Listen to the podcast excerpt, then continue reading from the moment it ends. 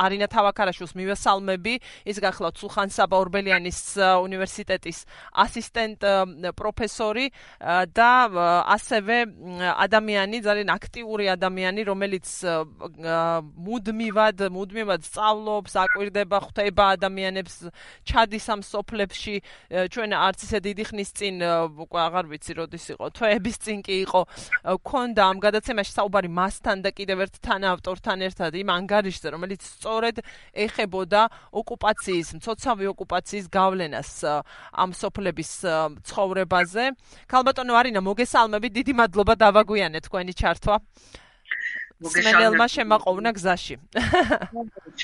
მოგესალმები ნინო, ძალიან დიდი მადლობა იმ შესაძლებლობისათვის, რაც ახლა მე მეძლევა. ნამდვილად მნიშვნელოვანია საოკუპაციო ხასთან მიმდებარე ადამიანების ცხოვრება და იმ სოფლების ყოფის გაჩნობა. მეწლების მანძილზე მიწევს მათთან ურთიერთობა სხვადასხვა ფორმატით, ზოგჯერ პროექტის ფარგლებში, ზოგჯერ პროექტის გარეშე, მაგრამ უკვე უფრო მძიმეა მდგომარეობა ვიდრე სხვა დროს იყო.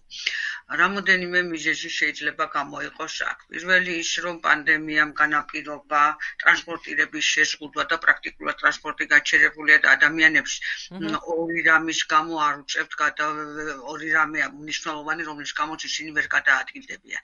ერთი ის, რომ ამ სოფლების უდიდეს ნაწილში არ არის მაღაზია, არ არის საფთიაქო ქსელი, არ არის რაიმე მოხმარების, პირველადი მოხმარების შეძენისათვის პუნქტები. და მეორე შომათ არა აქვს საშუალება ისთვის დასაქმებულობა რაც აქვს შემდეგში განახორციელონ. ანუ არც პროდუქტის შეძენა, არც წამლების შეძენა და არც საქმიანობა. პრაქტიკულად ამ ტერიტორიაზე ძალიან ნაკლებად ამ თელ პერიმეტრზე უდიდეს ნაწილში ამ პერიმეტრში ფული აღარ ტრიალებს. ეს ძალიან ხო, აღნიშნა ეს ამაზე. და როცა აი ამ პერიმეტრზე ვიშაუბრებთ, დიდი მადლობა იმისთვის, რომ გაიხსენეთ ეს ქალბატონი ნომინდიაშვილია, კავკასიის საერთაშორისო უნივერსიტეტის პროფესორი, რომლის ხელმძღვანელობითაც კვლევა განხორციელდა და ჩვენი საქმიანობა გრძელდება ამ კუთხით. აი ამ ბოლო პერიოდში მომიწია დემოკრატიის კვლევის ინსტიტუტის ეგიდითა და ფორმატით სოფლებთან ისევ ხელმეორედ შეხება და გრძელდება ეს ჩემი ურთიერთობა ონლაინ რეჟიმში, მაგრამ ამ სოფლებში ძალიან ბევრს ვიცნობ და ისეთი ურთიერთობა მაქვს, რომ სისტემატურად ისევ ვიღებ ინფორმაციას. წინა გამომშლელი ვინც იყო ხალბატონ ციცინოს აი საოცარი ადამიანი, რომელიც მოხალისეთ დადის აი ხანდაზმულ ადამიანებთან და საკუთარი წნევის აპარატი წნევას უზომავს ეხმარება. ეხლა თუ არის შესაძლებლობა ამისა, იქ მარტო ხელა დარჩენილ მოხუც ჩებს ეს არის სამი საერთოდ ოჯახის გარეშე, რვა ოჯახიდან კიდევ ცოლქმარი, 70 წელს გადაცილებული ადამიანები, რომელთაც პური სჭირდება. ამისათვის ხალხო სხვა შორის ეთერში არ თქვა მან და გუში საუბრისას კი ვილაპარაკეთ ამაზე. მადლობა თქვენ რომ ბრძანეთ. ეხლა ყოლეთ 1 კილომეტრს გადის 1 კილომეტრი უნდა მეეთის მაღაზიამდე ფეხით მივიდეს და უკანაცხო უნდა გაბრუნდეს 1 კილომეტრი. უკვე თვირთით, ხო? ხანდაზმულ ადამიანებს არ შეუძლიათ. ანუ პრობლემათა ნუსხა ორი მიმართულებით უნდა გაიყოს. ერთი რაც საერთო პრობლემები აქვს, აი ამ ტერიტორიაზე მყოფ ჯერ კიდევ საბედნიეროდ ადამიანებს უდიდესი ნაწილი საშუალო და უფროსი ასაკისა და პრობლემები რომლებიც ცალკეულ სოფლებს ინდივიდუალურად აქვს. საერთო პრობლემათა ნუსხა არის უმძიმესი. პირველი, ამ მაღაზია ამ ტერიტორიებში არ არის მაღაზია, სადაც პირველადი მოხმარების საგნებს შეიძენენ. არანაირი საშუალება არც პუნქტი, არც მაღაზია. მეორე, აი ამ ტერიტორიაზე არ არის აფთიაქი და მით უმეტეს აი ახლა როცა ასეთი ვითარება გადაადგილება არ შეუძლიათ ამ ადამიანების უდიდესი ნაწილი, ვისთანაც მაქვს ხომე ურთიერთობა, ითხოვს რომ შესაძლებლობა იყოს წნევის აპარატის, წნევის აპარატი ჰქონდეთ სოფელში, რომ ერთი ორმა ადამიანმა ხანდაზმულ ადამიანებთან იაროს და გაუზომოს მოსნევა მაინც და წამლებზე ხელმისაწვდომობა, წნევისა და გულის წამლებზე ხელმისაწვდომობა. მე სოფლები იცლება. თვითონ ქალბატონი ციცინო რომელიც სოფლიდანაც არის, არდიანკა სადაც ის ცხოვრობს, უკვე ორი წელია პირველ კლასელი არ ყოლია სოფელში. უკვე ორი წელია არ ყავს სტუდენტის ასაკის, აბიტურიენტის ასაკის.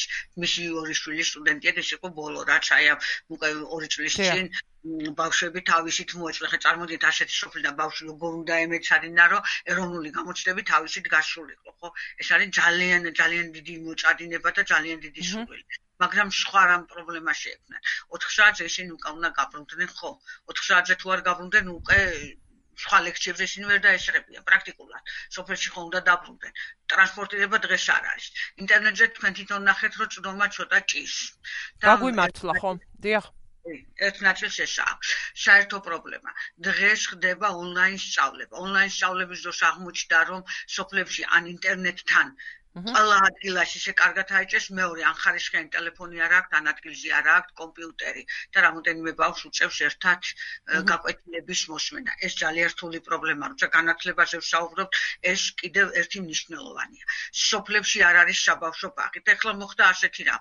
ერთი ნაწილი მათ შორის თბილისიდან დაბრუნდა ამ სოფლებში და დაბრუნდა თავის ბავშვებთან ერთად. ხომ შეიძლება ისეთი გარემო შეიქმნას, რომ ეს ადამიანები ისევ დამკვიდრდნენ ამ თავის ტერიტორიაზე. რადგან რადგან ინტერნეტმა ხელმისაწვდომობა გაჟღერდა და თუ სოციალურ გარემოს შეუქმნით მათ, ეს კარგი იქნება. სარდიანკას რაც შეეხება და თვითონ მოერიდა ამ თემაზე ჩიჩინოს საუბარი მის სახს დღემდე 2000 ნუ ფაქტიურად ამდენი ხნის ომის დასრულებიდან ამდენი ხნის შემდეგ 5 წელი შემდეგ დაბრუნდა და ეს ხალხი და სხვა რთული პრობლემაა. ხუთი ოჯახის სახს განასახურავი არ აქვს. რუსული ბოდიშის მოხდით ვიტყვი პალატკაროვი ხმა, აი ეს უფარია დამწარ სახლებში. და ეს იცვლება წლიდან წლამდე. ეხლა ძლიერი შეტყვა და წვიმა იქნება ამას ჩახევს და ჩაუვათ, შედარებით ნაკლებად იქნება, ну გაატანს გაზაფხულამდე. ეხლა სულწვიმიანი ხალბატონო არინა, რას რითი ხსნით იმიტომ რომ ლაპარაკი არის რამდენიმე ცირე რაოდენობაზე ძალიან კონკრეტულად მაგალითად ამ სოფელში რითი ხსნით ასეთი ტიპის უგულებელყოფას ამ ადამიანების. ყელყელი სადღეგრძელოებივით გძელძელ სიტყვებს იტყვიან ზოგიერთი წარმომადგენელი ხელისუფლებისა, მაგრამ თუ გონიულად შეხედავთ ბიუჯეტში დღემდე არ არის შეტანილი. შედარებისთვის ვიტყვით.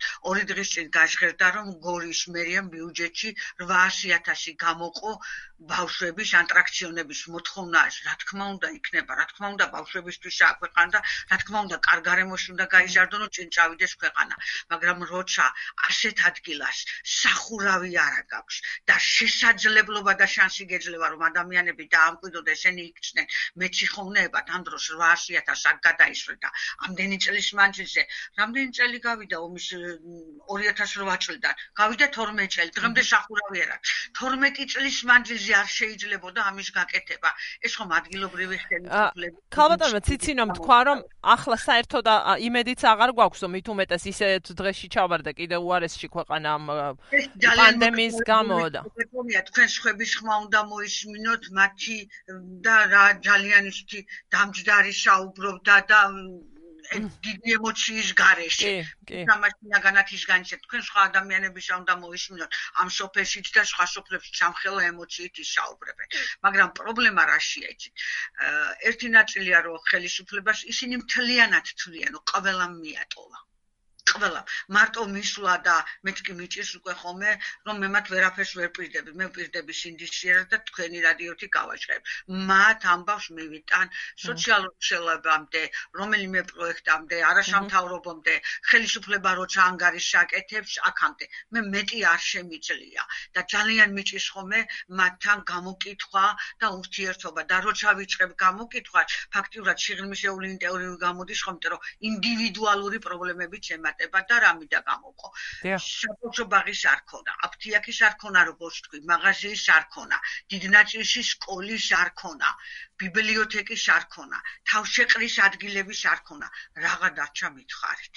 და კიდევ, შიდაგზები ამ სოფელში გაკეთდა, გზა და შიდაგზები, მაგრამ არის სოფლები, სადაც არც შიდაგზაა და არც გარეგზაა გაკეთებული და რა ხდება? ჭვიმიანობის დროს მასშტაბლებსა და მოსწავლეებს უწეს სკოლაში გადაადგილება, სადაც არის სკოლა და არის ასეთი სოფლები. არის სკოლა, მაგრამ გადაადგილება ძალიან ჭირს. და კიდევ წარმოიშვა სოფლის შიგნით რამოდენიმე ფენა. ერთი რომელსაც შეჭა მიწები, ამუშავებს და რაღაცნაირად თავი გაქვს.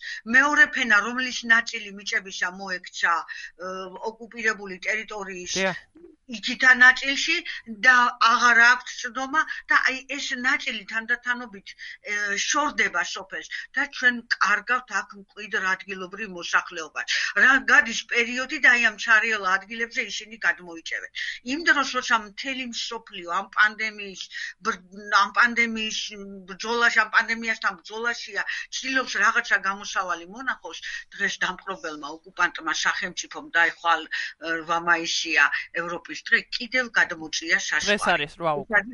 დიახ. გადმოწია საშუალო და ამას ალბათ ადამიანურად ყოველ ერთმანეთს უნდა მიულოცოთ. მიუხედავად იმისა, რომ 8 მაისს არ გათავისუფლებულა აღმოსავლეთ ევროპა. ძალიან დიდი ხანი მოუნდა იქიდან საბჭოთა ჯარების გამოყვანას. გადმოდიან. აი დირბი დვანის მონაკვეთია ესეთი და ახლა დირბის ტერიტორიაზე და მოსახლეობის აზრი როგორია იცით? ოღონდაც ერთმანეთის შეინარჩუნონ მაღალია ჯერჯერობით სამეზობლო კულტურა ასეთ სოფლებში ურთიერთგატანის კულტურა ერთმა ჩემმა სტუდენტმა მითხრა რომ მე ჩემს ნაკვეთს რო გავყოფო და ვისი ნაკვეთიც მოხდა ოღონდაც დარჩნეს სოფელშიო მას მივცემო სარგებლობის უფლებითო რომ შევინარჩუნონ ერთმანეთ. ეს არის აი ძალიან დიდი სამოქალაქო აი სამოქალაქო ზნეობრივი გმირობის დონემდე მისული დამოკიდებულება. აი ამ დროს ყველაფერს ჩვენ დუმილით ხვდებით ხელისუფლებაც ვიტყოდი საზოგადოებაც და ვიფარგლებით იმითი რომ ჩვენ მხოლოდ ამაზე ინფორმაციას ვავრცელებ და ვსაუბრობ. აუცილებელია და სახელმწიფოს ვალდებულება გძელვადიანი ხედვა. ალბათ ამისათვის უნდა შეიქმნას კლევის ცენტრი. ოღონდ არა სანათესაო სამეგობროთი კლიენტერიზმის გამოყენებული ელემენტები და საქმებისთვის კი არა რეალურად რომ დაიდოს გძელვადიანი მესმის მნიშვნელოვანია ხო მაგრამ პირველი ალბათ რაც უნდა იყოს იმ საჭიროებების დანახვა იმ ადამიანების დანახვა ხო. აი ეს ყველაფერი რომ წუთი დაგვრჩა ზუსტად ქალბატონო მარია აი ამ ყველაფერს ჭირდება ადამიანის საჭიროებებზე აქცენტირებულობა. ადამიანების გადარჩენა ბავშვებისათვის ეხლა ვინც არიანი დარჩენილები თუ დასულები მადზე კვებით ხელშეწყობა გარკვეული გარკვეული ფორმატით. მე ძალიან ისეთი კარგი პიროვნება არის საკრებულოს წევრია და თვითონ ლია ჩლაჩიძემ რომელმაც თავის სახლის პირველი სართული დაუთმო საოკუპაციო მუზეუმის გაკეთებას და ერგნეთში ეს არის. აი ეხლა რომ გადავხედე ამ ყველაფრიდან უამრავი პრობლემა გვაქვსო არანაირი პირობა არ არის რომ ადამიანი მოწესრიგებული გამოვიდეს ამ სახლებიდან ჯერ კიდევ შენარჩუნებულ მოსახლეობისათვის საჭიროებებზე ზრუნვა ელემენტარულ საჭიროებებზე ზრუნვა თვითონ მართლა ყველა სოფელში უკვე უჭირს თქვი კი, კი. მნიშვნელოვანია. ტრანსპორტირებაც და შეძენაც. ზოგს აქვს ფინანსური პრობლემა, ზოგს აქვს შეძენის პრობლემა. ხო. და მეორე და მეორე აი ამ ცხოვრებისეული პრობლემებიდან გრძელვადიან ხედვის შემუშავებაში ამ ადამიანების ჩართულობა და უფრო მეტი ხელშეწყობა ახალგაზრდობა. ეს არის ძალიან მნიშვნელოვანი. თითოეულ სოფელს კიდევ აქვს ალკე ინდივიდუალური პრობლემა. კი, რა თქმა უნდა. აი, ამათი შესწავლა მნიშვნელოვანია. საერთო ნიშნის გარდა რაც ახასიათებდა, სხვადასხვა შეტყვასაც. რა მოგვეწურა და დიახ დაასრულეთ და. შარშან დელმა შეტყვა ისე დააზიანა ზარდიან კარიმად შორის ქერე რომ წელსაც არ ეკნებათ მოსავალი და ქერეში სკოლაც არ აქვს წარმოიდგინეთ და ეს ბავშვები გადაყავდათ მერეთის საჯარო სკოლაში დაწყებითი კლასში რამხელად მანძილზე გადასვლა გადმოსვლა დროი კარგებოდა და ახლა უფრო მეტი პრობლემა შეექმნათ ინტერნეტს რომ ამაში ხელშეწყობა სჭირდებათ. ამიტომ ხელშეწყობა არ უნდა დარჩეს მხოლოდ სიტყვა და საჭიროებები და ბავშვები გადაყავდათ მერეთის საჯარო სკოლაში დაწყებითი კლასში რამხელად მანძილზე გადასვლა გადმოსვლა დროი კარგებოდა და ახლა უფრო მეტი პრობლემა შეექმნათ ინტერნეტს რომ ამაში ხელშეწყობა სჭირდებათ. ამიტომ ხელშეწყობა არ გაითიშა სიგნალი თუ რა მოხდა? არა, არ ვიცი, ხმა მეორდებოდა, ახლა ძალიან მნიშვნელოვანია, ძალიან მნიშვნელოვანია ამაზე ზრუნვა. გერმანიამ თავის დროზე გაუძლო ცდუნებას აღორძინა ის ტერიტორია, რომელიც შესაძლებლობდა უკვე ყოფილ გერმანიის დემოკრატიულ რესპუბლიკას, ნატოშიც შევიდა და დღეს ერთიანი გერმანია თვითონ პანდემიის დროს რა ძლიერი სახელმწიფო იყო, ფაქტია და ძლიერი სახელმწიფოა. ჩვენ ეს გეზი უნდა ავისწიოთ. ცდუნებებს უნდა გაუძლოთ, ვეცადოთ ზოგჯერ არაპოპულარული ნაბიჯებიც გადავდგათ, რა თქმა უნდა, დიპლომატია უბრალოდ უნდა გამოყენებული იქნას, მაგრამ ადამიანებზე ზრუნვა უნდა გახდეს. რა თქმა უნდა, უპირველესია. ძალიან დიდი მადლობა არინა თავაქარაშვილს, დიდი მადლობა ქალბატონო არინა.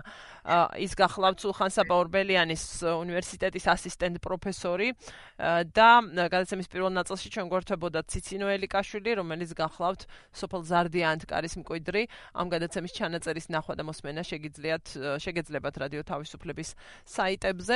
ძალიან დიდი მადლობა ყურადღებისთვის, აუდიტორიას, დიდი მადლობა ზარებისთვის, გამოხმაურებებისთვის. ზოგიერთი გამოხმაურება, რა ვიცი, მიკვირს ხოლმე ადამიანი რატომ უნდა ადგეს და შეწუხდეს იმისთვის, რომ დაგიწეროს კომენტარად, მაგრამ არა უშავს ვაი თქვენ პატრონსო, მაგრამ არა უშავს ესეც არ წავშლით, ტოვებთ. თქვენი ნება და თქვენი არჩევანი. რადიო თავისუფლების დილის საუბრები იყო ეთერში. უძღვებოდი გადაცემას ნინო გელაშვილი, კოჩელეჟავა და მერაბ ნადირაშვილი იყვნენ ხმის რეჟისორები და რეჟისორები ამ გადაცემის. დიდი მადლობა მათ და გემშვიდობებით მე ორშაბათამდე თვალყური გადავინეთ ინტერნეტში და ასევე რადიო მაესტროს ციხშირეებზე დღის განმავლობაში.